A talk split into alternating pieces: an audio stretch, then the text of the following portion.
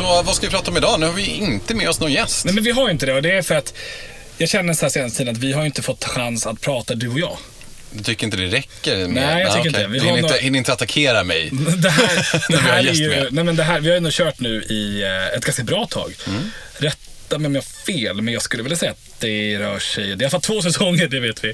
Och jag tror att vi rör runt, runt en 12, 13, 14 avsnitt kanske. Absolut. Eh, där någonstans. Så att Och det jag- här är ett utvecklingssamtal för dig. Jag. Precis, nu ska vi såga mig. Ja. Men alltså, jag tänkte faktiskt vända direkt frågan till dig. Mhm. Om du tittar tillbaka sen, ja. Sen vi gjorde första avsnittet. eh, för vi kastades ju in i det här egentligen utav en slump. I Mm. Ja. alla fall jag Ja. var ju en extrem slump. Ehm, ja, precis. Det folk inte vet är att jag gick ut på gatan och sa, vem kan minst om flyg? nej, nej. alltså, jag, jag, jag hatar att flyga! Nej. Jag såg det på Arlanda med kudde och mjukisbyxor vid incheckningen och bara, han ska vi ha. Men vadå, för det är kont- största kontrasten ifrån Ja, dig liksom, ja. så kommer det i frack. Nej. Ja. Nej, Ja, vi har ju redan kommit Ja. överens om Ja. att mitt sätt att se på det hela är rätt. Ja. Så nu stänger vi den boken. Absolut. Nej, men jag tänkte i alla fall, liksom, förväntningarna som var innan när vi satte igång det här. Mm. Var, om du liksom bara reflekterar lite hur det gångna halvåret har varit. Ja. Ja, gästen och alltihop. Vad, vad kan du ta med dig? Vad, vad rolig fråga. Eh, snabbt tänker jag så här, ja, men har jag något så här snabbt svar? Jag skulle vilja säga att ingenting blir som man förväntat sig. Absolut inte. Eh, Men jag tycker ändå att idén med Flygarpodden från början är att, att få det här lite dolda Eh, som oftast sker bakom en stängd dörr. Folk är inte så insatta in- kring hur saker och ting funkar kring flyget. Eh, Men att öppna upp lite grann för att låta folk få en, en del av det. Att få svar på vissa frågor. Eh, och, så. och där har vi lyckats, tycker jag. Vi har ju fått jätteroliga och intressanta människor som har delat med sig av allting från att hitta liksom, eh, både det ena och det andra på flyg och vad som är smutsigast. Och vi har haft... Eh, Gossip stories om vad som sker på regionala flygen. Ja, och- men gud, verkligen. Och sen har vi haft eh, professor liksom, pilotbeteende och vi har haft eh, som så kallat influencerpiloter som har berättat ganska mycket om deras resa. Eh, markpersonal, så jag tycker det har varit superkul. Men det är också så här, nu börjar man ju landa i lite Wow, det finns så mycket mer. Mm. Och folk hör ju av sig till oss och bara, men det här skulle vara intressant och det här vill jag göra och höra liksom. Och så här. så det finns mycket. Men det är det som jag får, jag som är, har lite goda vänner då, som inte är Mm. ett dugg insatta i flygbranschen, eller som jag då, inte har någon anknytning till det, som frågar så här, men alltså finns det, tar det inte stopp någon gång? Finns det liksom inte ett hål, alltså så här, ett, ett botten i det här hålet Ja. liksom, som ni gräver i utav content? Ja. Och det, är så här, nej, alltså det händer ju saker hela tiden.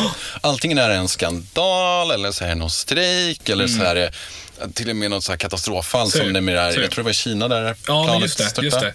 Det finns ju alltid roliga och intressanta stories att dela med sig utav. För det, det händer ju väldigt mycket även liksom i själva yrket. Så är det. Och det utvecklas ju nu framförallt enormt. Elflygplan och liksom drönare. Det är också inom flyget. Eh, och som du nämnde, när det sker en olycka, så, och det kan vara en liten olycka, eh, så skrivs det om det. Och det hamnar först på Expressen och Aftonbladet. Och det är just för att folk är intresserade. Säger man jag jobbar inom flyget så blir folk så här, jaha, är det sant? Wow. Säger du så här, nu vill jag inte klanka ner på någon, men säger man så här, jag är revisor, då blir man inte så här, åh, berätta mer! Utan så här, det, blir ju, det blir ju ganska automatiskt att samtalet dör ut där. Ja men det är såhär, okej, ja men siffror, exakt. Exakt. Tack. Hej, vad gjorde du i påskas då? alltså, så här, man byter samtalsämne. Eh, så det gör ju någonstans att, så att jag förstår vad du menar. Det är så här, vissa saker kommer vi ta upp igen såklart. Eh, och, och så. Men det är för att alla har vi olika syn också på det. Eh, en pilot, en markpersonal och en flygvärdinna Ja, men det är samma flight, de ska fortfarande operera den här flygningen till Göteborg. Men det sker så mycket runt omkring det. Lägg på flygledare, lägg på meteorologer. Det skulle vara skitkul att ha en meteorolog som kan spå sommarvädret, kommer jag bara på nu. Det ska vi ha. Eh, för det kan man ju. Men det hade varit mer intressant att kanske kolla med tanke på klimatkriserna, Mm. kommande väder de kommande åren. För många pratar ju om, ja, men så här, vi har till 2050 på oss att göra, bli netto noll i fossila ämnen. Mm. Ja. Eh, eller bränslen, förlåt. Eh, och se liksom deras take på det hela. Liksom. Om, det vore kul att höra någon som, som faktiskt har den inblicken också. Hur skulle det betyda? Vad skulle det göra för flyg? Liksom? Ja men absolut, och det är ju skitintressanta saker. Och jag tänker att där, det folk inte vet om, det är väl så här, just för att det är en liten... Man tänker att det fortsätter på samma sätt som det alltid har gjort. Men eh, ja, jag skulle vilja påstå att flyg är den, den branschen just nu som står inför den största förändringen. Och så som vi reser idag kommer bli annorlunda. Och vi pratar fem år, alltså så det är inte långt bort. Eh, Så att om man, om man sitter nu och planerar en resa några år bort, ja då kanske det finns en risk att man kanske sitter på ett elflyg en viss del av sträckan. Nej, men vi, vi kan, när vi ändå är inne på att prata om hur det kommer se ut om några år. Jag fick faktiskt upp en annons här i veckan eh, som jag bara läs, lusläste lite i. Och det var från ett företag som leasar ut privata, privatjet, men som vill göra lite som Uber. alltså lite likt Uber men ändå inte. Förstår du vad jag menar? Att om du vill åka till Alicante, Ja. då kan du anmäla ditt intresse om att du ska åka de här, de här datumen. Ja. Och så kan du välja antingen så kan du chartra upp hela flyget själv eller så kan du låta det vara öppet. Ja. Så kan några andra få liksom, ta del av att boka platser i sådana fall. Det där är skitsmart grej och jag vill säga faktiskt att det har funnits ett bra tag. Har det? Eh, Ja, och framförallt i USA så har det funnits. Och det har ju varit framförallt hur privatmarknaden har varit så att du har en kund som flyger från Stockholm till Alicante. Ja. Och sen bokar man ju inte hembiljett för om en vecka eller vad som helst. Eller så kanske bara en one way. Ehm, då ska flygplanet flyga tomt hem. Mm. Och då kan det ju vara så att så här, fan, vi har någon som vill flyga från Madrid hem till Stockholm. Men, men vi flyger över till Madrid och hämtar upp den här passageraren. Och sen så är det ett lägre pris. För att någonstans handlar det om att det kommer kosta 80 000 för privatjeten att flyga hem från Spanien. Om du betalar 10, ja men då har vi ändå minskat våran liksom, förlust i alla fall. Fan vad det känns alltid som att det, är så här, det blir bara minussiffror på Ja, sista det- raden. ja. Oavsett vad man tittar på. Ja det flyget. Hur fan går allt det här ihop? Det är ju Nej. det som jag börjar undra över. Jag menar så här, flygbiljetterna är skitbilliga. Jag menar, det, du kan inte köpa så mycket snacks för att kunna kompensera upp bränsle över Atlanten liksom. Alltså vad, Nej. vad... Ja, men du kan, alltså det där med snackset, och då tittar man på ancillary revenue, som är merförsäljning, och då kopplar vi allting som inte har med biljettförsäljningen att göra. Mhm. Och om du tittar tänker på det då, så tänker du så här, shit, det blir ganska mycket. Man väljer sittplats till 139 spänn, 250 på vissa flygbolag. Väska, typ 300-400 spänn. Eh, fast track kanske, du vill gå förbi kön. Eh, och sen såklart har du ju allting ombord som du köper. Och sen kanske du hyr en bil via dem, eller hotell via dem. Alltså det finns ju så mycket. Så tittar du bara på till exempel Ryanair som är Europas största lågprisbolag. Siffrorna ungefär, jag tror att de omsatte kanske 90 miljarder förut. En tredjedel var ju biljettförsäljningen. Resten var ju, eller en, förlåt, en tredjedel var ju eh, merförsäljning. Okej. Vilket motsvarar mycket lika ändå. mycket som SAS totala omsättning. Men räknar de också med att väskor är mer försäljning? Ja. Ja, men, då, men, då, men då kan jag ändå förstå det. För Ja. det är ju det som de är så notoriskt kända för. Att Ja. du måste betala för, för vattnet liksom. Exakt. Och glömmer du att checka in online två timmar innan du måste checka in vid gaten, vilket man tänker så här, det kan jag väl göra. Ja, det är 300 spänn. Ja, det är det. Ja. Så att, eh, och jag fick ju vara med om det själv för några veckor sedan. du ska vara rutinerad. Japp. Jag missade med två minuter. Nej, var det så petigt? Men jag tänkte att det fortfarande var pandemi, så att man skulle fortfarande gå till gaten. Eh, men tydligen så hade de bestämt sig för att nej, nu är pandemin över. Men du som ändå varit ute och rest lite, liksom, märker du av några större skillnader när du är, väl är liksom, i transit, om jag säger så? Mm. Med hur det var liksom, i början av pandemin kontra nu? Men alltså pa- pappers, alltså, papperskorgarna är ju överfyllda med munskydd. Det är ju nummer ett. Framförallt på Arlanda. Eh, man kan ganska snabbt se vilka som är svenskar och inte. Svenskar tar av sig munskyddet direkt när man klarar flygplanet medan icke-svenskar har på sig det hela tiden. Mm, men det stämmer ju Ehm, fortfarande här på stan. Ja, men, ja, men, jo, men absolut. Eh, och sen skulle jag vilja säga att just nu så är det ju enorma köer. Och det ser vi rapporterat från Arlanda att det är ju jätte, jätte, jättelånga köer. Det är otroligt mycket folk som ska ut och resa. Eller det är inte otroligt mycket Tänker du folk, köerna i är mer... passkontrollerna eller i säkerhetskontrollen? säkerhetskontroll, eh, framförallt säkerhetskontrollen. Mm. Det är ju den som den kön är mest. Eh, men själva liksom boardingen också tar lång tid och liknande. Så det är ganska mycket förseningar just nu. Och det handlar just för att Arlanda har inte den kapaciteten att hantera. Man har stängt ner fortfarande en terminal. Eh, det kommer mer och mer flygplan, mer passagerare och man har inte tillräckligt mycket folk som jobbar i säkerhetskontroll, incheckning. För att det ligger efter utifrån pandemin. Och det handlar om att det har varit jättelång tid för att gå igenom sådana här säkerhetsprövningar på Arlanda. Så att du får eh, ett, en badge helt enkelt. Så att du får jobba på ett säkerhetsklassat område. Det tar skitlång tid idag. Och det har ju resulterat i att man inte lika snabbt har kunnat täcka upp med personal. Det är inte bara att ringa in någon så här vikariepool liksom och bara hej kom hit. Ehm, det, det, har inte riktigt, det funkar inte så på Arlanda. Så det gör ju att det har haft enorma köer. Så att, eh, jag skulle säga så här, är man ute och reser just nu så ska man vara ute i god tid. Ja, det är så pass. Verkligen. Ja, men det ska jag nog lägga på minnet då. Men jag tänker att den här terminalen som du pratar om som fortfarande är stängd, vilken är det? Den här terminalen? Mm. Fyra. Fyra. Ja. Skulle inte den öppna nu? Liksom? Jo, jag faktiskt har inte den kollen. Jag, jag har för mig det. Jag har för mig att den skulle öppnas nu. Men den kommer ju bli en inrikes slash utrikes eh, terminal. Lite som vi pratade om eh, tidigare. Ehm, vad det kommer bli. Så den kommer inte alls bli som inrikes som förut. Eh, utan, för vi har inte sånt stort inrikesbehov som vi har haft tidigare i pandemin på Arlanda. Och det ser vi.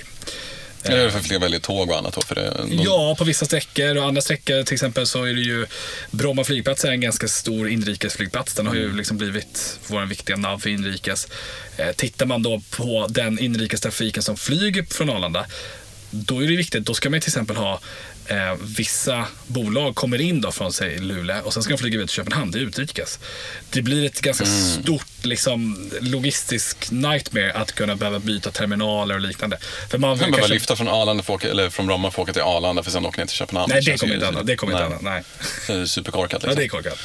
Nej, så att det händer mycket. Det händer mycket och det rör på sig och det är skitkul. Men det är klart att det är utmaningar fortfarande efter pandemin. Till exempel då med personal. Personalfrågorna. ja. Men jag tänkte att vi hade fått en tittarfråga här när vi ändå är inne på det. Eh, Ska vi se. Kommer sommaren nu bli som sommaren 2019? Alltså innan pandemin då. Mm. Ehm, Vad är din tes? Ja, jag skulle säga, jag säger inte nej, jag säger inte ja, jag säger ja. Nja. Ehm, alltså just för att fritidsresenärerna är det som är den starka kunden. Det är det som kommer tillbaka, inte affärsresenärerna på samma sätt. Så absolut, sommaren kommer vara bra. Just nu ligger vi på i Europa 17% bortfall jämfört med 2019 i april. Ehm, och eh, den kommer bli bättre. Så att vi kanske ligger på 5-7% bortfall jämfört mot sommaren 2019. Så, så här, svaret är så här, vi kommer jätte, jättenära nivån av sommaren 2019 men jag tror inte att vi kommer vara uppe helt i den. Och det handlar dels om utvecklingen i Östeuropa såklart. Eh, men även eh, logistik, att man har inte kapacitet att, att gå upp på 100% nivå igen. Men det här är som ganska intressant, för precis när, jag, när du berättade allt det här så gick jag in och kollade på Google Trends. Där kan man ju se egentligen söktrender från eh, vad folk är ute och letar efter. Och nu så mm. valde jag ämnen flygbiljett. Och så kollade jag i Sverige de senaste fem åren då. Tittar vi liksom sen det har varit en del av pandemin. Alltså som max gick det upp i slutet av förra sommaren och då var det uppe i 40. Och nu är vi redan uppe i 65. Så att du menar att, att det är ganska mycket folk som söker och sådär? Exakt, man kan se söktrenden efter just flygbiljetter har skyrocketat. Ja. Och the predictions säger att vi ska upp liksom till en fantastisk kanonsommar. Ja. Men det är ju som sagt, det är bara predictions. Ja, Jag menar, nej, all, men det, är- kan... och det är ju helt korrekt. Jag tror att det är helt korrekt. Jag hade också... ehm, ja, men jag tror att det är helt korrekt. Jag tror att folk söker, absolut. Eh, och folk är vill iväg. Vi har ju sett det påskveckan som vi nu precis Mm. har passerat.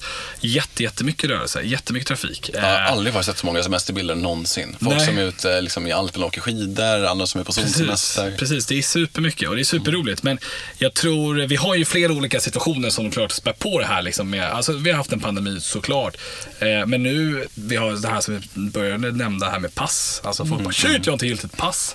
Vi har en inflation som ökar. Eh, saker och ting börjar kosta pengar, kanske räntan börjar gå upp nu. Och det gör ju Ja, såklart det får att det reda på påverkar. väldigt, väldigt snart. Precis, och det, det kommer ju påverka eh, flygandet. Men jag tror att så här, ja, de som kommer, de som har ett giltigt pass, ja, förmodligen så blir det en resa i sommar. Det är det jag tror. Men vi får inte heller glömma bort att det, det som också tar varför vi har en, en lägre siffra kanske, jag tror ändå kanske vi ligger på 5-7% bortfall från 2019, det är att vi kommer ha mer inhemsk turism. Vilket vi har sett under pandemin.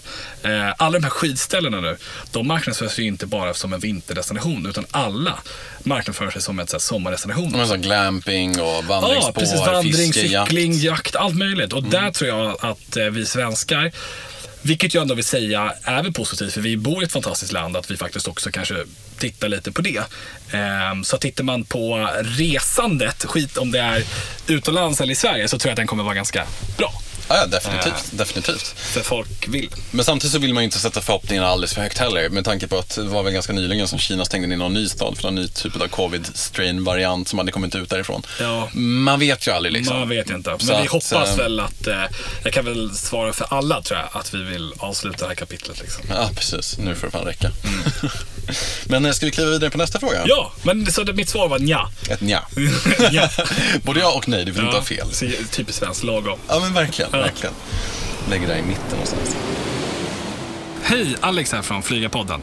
Eh, vill bara passa på här i avsnittet att nämna att det är värt att bli medlem på aviators.se för att kunna ta del av eh, våra nyhetsbrev som ger en inblick i eh, branschen. Men också möjlighet då till nya karriärmöjligheter via våra uppdrag som vi har. Eh, självklart får du även först info eh, om våra events och annat roligt som vi gärna gör för vårt community. Så aviators.se, gå in och bli medlem idag, kostar ingenting.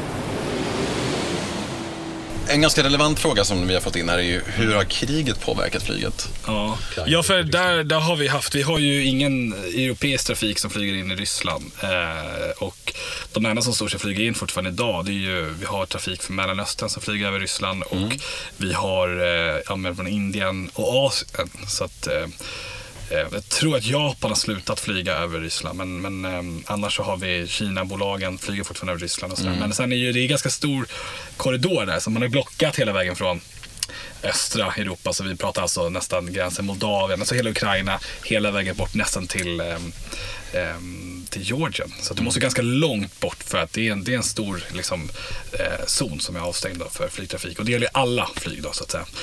Eh, Men hur, hur påverkar det här den europeiska marknaden rent generellt? Och har du hört något gossip kanske om hur det har påverkat den, den ryska marknaden? Ja, men alltså, tittar man på ryska marknaden så är den spännande för att man flyger med, med majoriteten av flygbolagen, eller flygplanen, är amerikanska eller alltså Boeing eller Airbus. Och den blir svår. Och det är samma sak som att det är väldigt ovanligt att man äger flygplan då, utan man leasar. Och då alltså leasar du flygplan från kanske ett europeiskt liksom, företag. Och hur funkar det då, då nu när handeln stort sett är stängd? Och, sådär. och det har ju gjort att Ryssland har ju någonstans beslagtagit flygplan som inte är deras. Och det är därför de groundar dem också? Vissa, men då så pratar vi så här reservdelar. Det går ju inte att få in reservdelar. Ja, nej, nej, nej. Men sen, samma sak såg vi i Iran förr i tiden. Ehm, och Iran hade då, det var ju nedstängt, man fick inte reservdelar och liknande, men de lyckades lösa det ändå. I och för sig hade de väldigt dåligt, ehm, alltså dåliga siffror när det kommer till haverier och liknande på grund av mycket av det här. Man hade inte delar för allting. Så att jag tror att flygsäkerheten i Ryssland kommer på sikt såklart att eh, minska. Men man ser också att trafiken absolut är klart har minskat. Eh, ryssarna är ju kända för att resa mycket. Så att det är klart att den utländska trafiken har ju minskat ganska rejält. Så ja, absolut så har det påverkat dem. Oss i Europa har inte påverkat lika mycket. Tittar man då såklart Östra Europa, jag såg någon sån här data från Forward Key som har samlat också så här lite bokningsmönster och liknande. Så har det ju, när kriget bröt ut under en månad, så tittar man då februari-mars, så gick det ner 30% i Europa på att vilja resa. Men i Östeuropa så var det närmare upp mot 50 procent och det förstår jag. Eh, men bortsett från det så ser det ut ändå som att det är ganska starkt. Den trafiken som påverkar mest för europeer, det är trafiken till Asien och framförallt Tokyo. Eh, och där vi i Skandinavien och Norden har mest problem. För att för oss att flyga från Stockholm till exempel eller från Finland till Tokyo, det Det är en jäkla omväg alltså. det, det är en omväg och den kalkylen går inte ihop. Eh, för det kostar för mycket pengar. För jorden är en sfär och vi vill flyga så högt upp som möjligt. Är du på södra halvklotet så vill du flyga så långt ner som möjligt. Du vill inte flyga i mitten av ekvatorn så att säga. För då blir det längre distans. Så att den ekvationen går inte ihop. Men ett flygbolag nere i Tyskland, Frankrike, de är redan så långt ner på jordklotet så att de kan någonstans, de kanske tappar en timme. Ehm, Men för oss så blir det ingen ekonomi. Så att SAS har ju ställt in flighten till Tokyo från Köpenhamn. Finnair har ju jättestora problem. Först var det pandemi såklart. Deras största marknad är Asien. Och det var ju inte en bra marknad under pandemin såklart. Nej. och sen nästa smäll, de kan inte flyga in i Ryssland. Nej, Så att de Hela har ju, grannlandet, världens största land, är avstängt för dem. Liksom. Ja, och det är deras, liksom, det är den enda vägen de har. Ehm, för det går inte ihop annars. Så att, så att Finnair har väl det tuffast, så kan man väl säga. Har du hört någonting rent från någon, eh, någon branschkollega där? Någon, kollega, någon pilot eller dylikt som har... Nej, men de, de har ju, måste ändå ge hatten av och säga att de har ju försökt hitta nya marknadsandelar. Till exempel fokusera lite på den svenska marknaden. Eh, och det verkar ändå ha varit ganska lovande. Eh, och, sen, och det ska de göra fortsätta med till vintern också. Så det verkar ha ändå funkat. Men då kanske det låg som plan då i kölvattnet hela tiden någonstans. Ja, men det tror Med jag. tanke på att på grund av corona, precis som du sa, så gick deras efterfrågan till att flyga till Asien ner ganska drastiskt. Ja. Då har de ju redan ställt om sig. De har ställt om sig. En del. Absolut. absolut. Så att det kommer inte som en chock. Liksom. Nej. Men sen har de att de hyr ut eh, besättning av flygplan. Eh, till, till till exempel nu Eurowings. Eh, Så de kommer flyga lite för Eurowings till exempel här framöver. Så att de jobbar ju framåt. Så jag skulle nog säga så här, det känns som att finnarna klarar det här ganska bra. Men så att eh, Nej, det är klart att det påverkar. Vi behöver ju inte ha ett till situation. Och sen får man inte glömma bort att Ukraina är ett ganska flygstarkt land. Alltså du har europeiska flygbolag som har baser där, som Wizz Air till exempel. Ryanair flyger dit, flög dit ehm, och de har inhemsk ganska mycket trafik och sådär. Ehm, så att, ehm, Men det har också varit ett väldigt populärt resmål, eller inte resmål, men hubb att ha arbetskraft ifrån inom IT-sektorn också. Så Okej, det finns ju väldigt, ja. väldigt många svenska företag som har och anlitar liksom, kontor som finns där. Så. Så att Och det, det är blir väldigt mycket långt- resor fram och tillbaka. Ja, och För det är det måste erbjuda att de ska kunna komma hit och arbeta om de känner för det. Liksom. Precis, men vi har haft ganska bra trafik till Kiev. Eh, och ehm, Nej, alltså det är ju såklart det är väldigt synd och sen går det inte att undvika heller. Det är klart att eh, allt är totalt katastrofalt hemskt men, men eh, Mm. eh, världens största eh, flygplan då eh, kom ju därifrån och den blev ju bombad. Då. Så Jag såg den. Ja. Jag såg och det är ju så här, det, är- det, är- har ju, in- det går inte att jämföra såklart med människorna och allting sånt. Eh, men, men det är fortfarande hemskt liksom att Men det är ändå så här, så här stora teknologiska accomplishments Ja. som man har gjort. Ja. Som bara går i spillror. Men det är ju det är tyvärr lite så det är på grund av tråkigt. krig. så att, Men ja, det, det är hemskt i alla fall. Det Hoppas det. det tar slut jäkligt Så, snart. ja, verkligen. Nej, så att svaret på den frågan, hur kriget har påverkat. Jag ska säga så här, att jag tror att man kanske tänkte nog här, det kommer påverka mer. Men i dagsläget så ser det nog okej. Men man vet ju inte heller vad som händer framåt. Men jag tycker vi, vi kliver vidare på en Ja. roligare fråga i sådana Ja. fall. Eh, Biljettpriserna, vad kommer de hända med till sommaren? Ja, men då kan man ju säga så här att flygbolagen har ju slutat med lockpriser nu. Mm. Man har haft lockpriser i två års tid för att få de som velat resa att resa. Eh, man behöver inte ta hänsyn till de här PCR-testerna och antigentesterna nu längre på samma sätt. Jag vet inte alla destinationer, men, men de majoriteten i alla fall. Så att det ser ut som att man har gått upp i pris ganska rejält. Eh, också för att efterfrågan är ganska hög, som vi nämnde. Eh, men kapaciteten är inte kanske där som man kanske skulle velat. För det tar så lång tid att starta upp någonting med besättning och allting sånt och utbilda och sådär. Så det gör ju någonstans att eh, när man nu börjar fylla på flygplanen på till sommaren så ser man då att eh, vi kan börja ta lite mer betalt och det är dags någonstans för flygbolagen att börja tjäna lite mer pengar. Men Oh ja. icke att glömma heller att vi har höga bränslepriser just nu. Extremt. Och det, det påverkar ju. Det påverkar ju. Så att när vi pratar om det här att så här, det är så billigt att resa så där. Ja, det är det. Men det har, vi, har nog bot, vi har nog nått den här botten i form av biljettpriser och jag tror att vi aldrig kommer se dem igen. Jag tänker lite så här när du ändå är inne på det. Jag undrar lite hur de svenska bolagen gör med att när de köper bränsle. Köper Mm. man det väl på destinationen som man kanske landar på eller köper man det här i Sverige innan man Mm. åker eller kanske det är en kombo av det hela. Jag tänker liksom på de skattemässiga delarna. Ja. Vi som ändå ligger och taktar liksom strax över 20 kronor så finns Mm. det fortfarande andra länder där det kanske kostar runt 10 kronor istället. Jetbränsle är en annan, en annan, en annan prislapp och sådär på dem. Men, eh, Men det är ja. inte, det är inte några så skattetariffer på det som, som vi Jo, har. jo, det är klart att det diffar land till land, givetvis. Och du har helt rätt i det.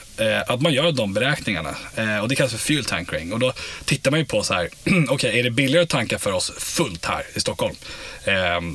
Än att eh, flyga med en tank, så vi klarar oss då ner till Spanien säger vi. Och sen så tankar vi där hem.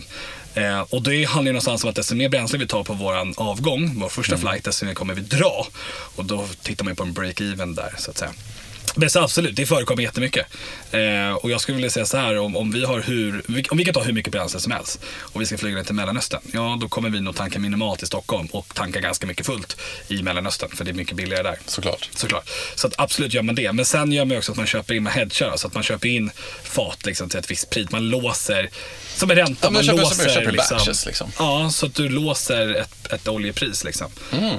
Eh, och där, det är ju eh, alltså, genier bakom det där som sitter och det är ju ekonomer liksom. Om man sitter och knepar knappar. Ja, alltså. Det är ja, svårt att få ihop ja. den kalkylen. Liksom. Det är inte bara Ja. plussa och dividera lite utan det är, det är en ganska rejäl uträkning man måste Det, göra. det att är det. där, Och alltså. menar, det är ju så mycket pengar. Alltså, bränslet är ju en superstor kostnad. Ehm, så att, och för då att spinna in på det här med hållbarhet. Ingen vill fortsätta ha kvar bränslet på det här sättet. Alla vill ju utveckla någonting innovativt och nytt. Flygbolagen vill tjäna pengar. Bränslet kostar pengar. Så det vore fantastiskt om vi kunde liksom halvera den eller minska den helt. Så att alla vill vi åt samma håll. Eh, och det tycker jag är viktigt. För ibland kan jag tycka att debatten handlar mer om att så här, nej, men flygbolagen vill ha bränsle. Men nej, de måste använda de det. måste det, men vi vill inte för det kostar pengar. Precis. Så- Jag tänkte att vi kliver vidare direkt på nästa fråga här. Ja. Så att gör piloterna all navigering innan en flygning eller gör de bara en uppskattad färdväg som sen flygledaren bestämmer? Eh, det måste då handla om planering för rutt och sådär. Ja, men precis. Eh, då, då är det ju så att man eh, eh, man gör en planering, eh, absolut. Och du gör en planering utifrån de eh, regelverken som finns. Att du flyger en viss sträcka och du följer dig kring det som du ska göra. Vilket du vet någonstans att det kommer kanske inte ske för du kommer få en direktklarering av flygledaren. Så att nej. Så. Det är de som har sista ordet alltså? Ja, absolut. Det är de som bestämmer om du kan få en genväg. Ehm, Så till exempel vi i Sverige, vi gör ganska mycket öppet här, så vi planerar eh, ganska fritt. Medan andra länder har fortfarande sån här motorvägar kan man säga, upp i luften. Och då måste du planera kring de motorvägarna. Ehm, För att få din färdplan godkänd. Men sen är det flygledaren sen, du kan ju begära att få en direktklarering. Och flygledaren kommer också ge dig en direktklarering. Så du gör en planering så noggrant som bara kan, men sen kommer flygledarna hjäl- hjälpa dig och ge dig en, liksom en, en direktväg. Men vad, vad skulle man kunna få avslag på? Säg att vi har planerat en Uff, så väg. mycket. Ja. Ja. men, men bara, Ja. ge mig en, en eller två anledningar. Va, varför skulle man kunna få en om, ett avslag på den rutten som man har planerat? Men det kan ju hans, dels handla om att det är överbelastat i ett område, så att det är för mycket trafik. Mm. Det kan vara att du har skrivit in fel kod eller att du har skrivit in eh, en, eh, en punkt som eh, inte längre används eller att du har skrivit in fel distans för en punkt. Det finns hur mycket som helst. Men, men det kan också vara att de vill att du flyger en viss sträcka för att när du lämnar Sverige till tyska gränsen så är det den här punkten du ska använda, inte den andra punkten som du har uppgett till exempel. Så det, det finns hur mycket som helst faktiskt. Det, det är en, ja, det är en, och därför, det är inte ofta piloterna själva som sitter med det i grunden, utan det är ju flight ops och dispatchen som sitter med sånt innan. Som har koll på sånt där. En sista lilla fråga här också. Mm. Är det fortfarande munskyddskrav? Bra fråga. Jag vet inte helt. Alltså i Sverige och Skandinavien så ja. Då, nej, förlåt. men- nej, men jag menar ja, nej. Alltså, ja, nej. Ja, nej. Nu får du ju faktiskt vara lite rak här. Nej. Ja. Nej men det är inte munskyddskrav. Eh, vi har slopat det. Men är det bara på Arlanda eller är det väl under flygning också? Under flygning också. Men det Är det regionalt vilket, eller nej, det beror på, Nej, det beror på vilket flygbolag. Eh, så att det varierar. Eh, fortfarande skulle jag vilja påstå. Så jag skulle nog säga, för jag fick åka på den förra månaden. Jaså? Eh, då hade ju bolaget jag flög med, eh, hade inte det. Alltså att jag reste utan munskydd. Men sen så var det ju då att jag behövde ha munskydd in i terminalen. På den, det landet. Ah, jag förstår. Så jag behövde ju ändå ha munskydd, vilket som tur att jag hade något gammalt liggande. Nej, men, Ja, men det var ju tur. Ja. Ja. Ta strumpan liksom. typ. Im- Improviserar liksom, Typ. måste utanför. Typ. Men det ser ut som ändå att, jag, jag jag vill påstå att det verkar som att man har slopat det mer och mer. Men det är väl mer valfritt. Så det betyder att svenskarna sitter utan munskydd och alla andra har munskydd. Exakt. så det. Men vi är också snabbast på att ta upp telefonen också när man laddar, landar. Direkt när man rör landningsbanan, direkt på, av med flight mode. Har inte du märkt det på det? Nej, Alltså jag stör mig så fan på det. Aha. Jag vet inte varför, för jag tycker någonstans att det är respektlöst. Tyck. Men, så här, ja, men min, min, min tjej är ett sånt exempel. Alltså direkt när planet luddar asfalten Ja. med däcken. På med mobilen.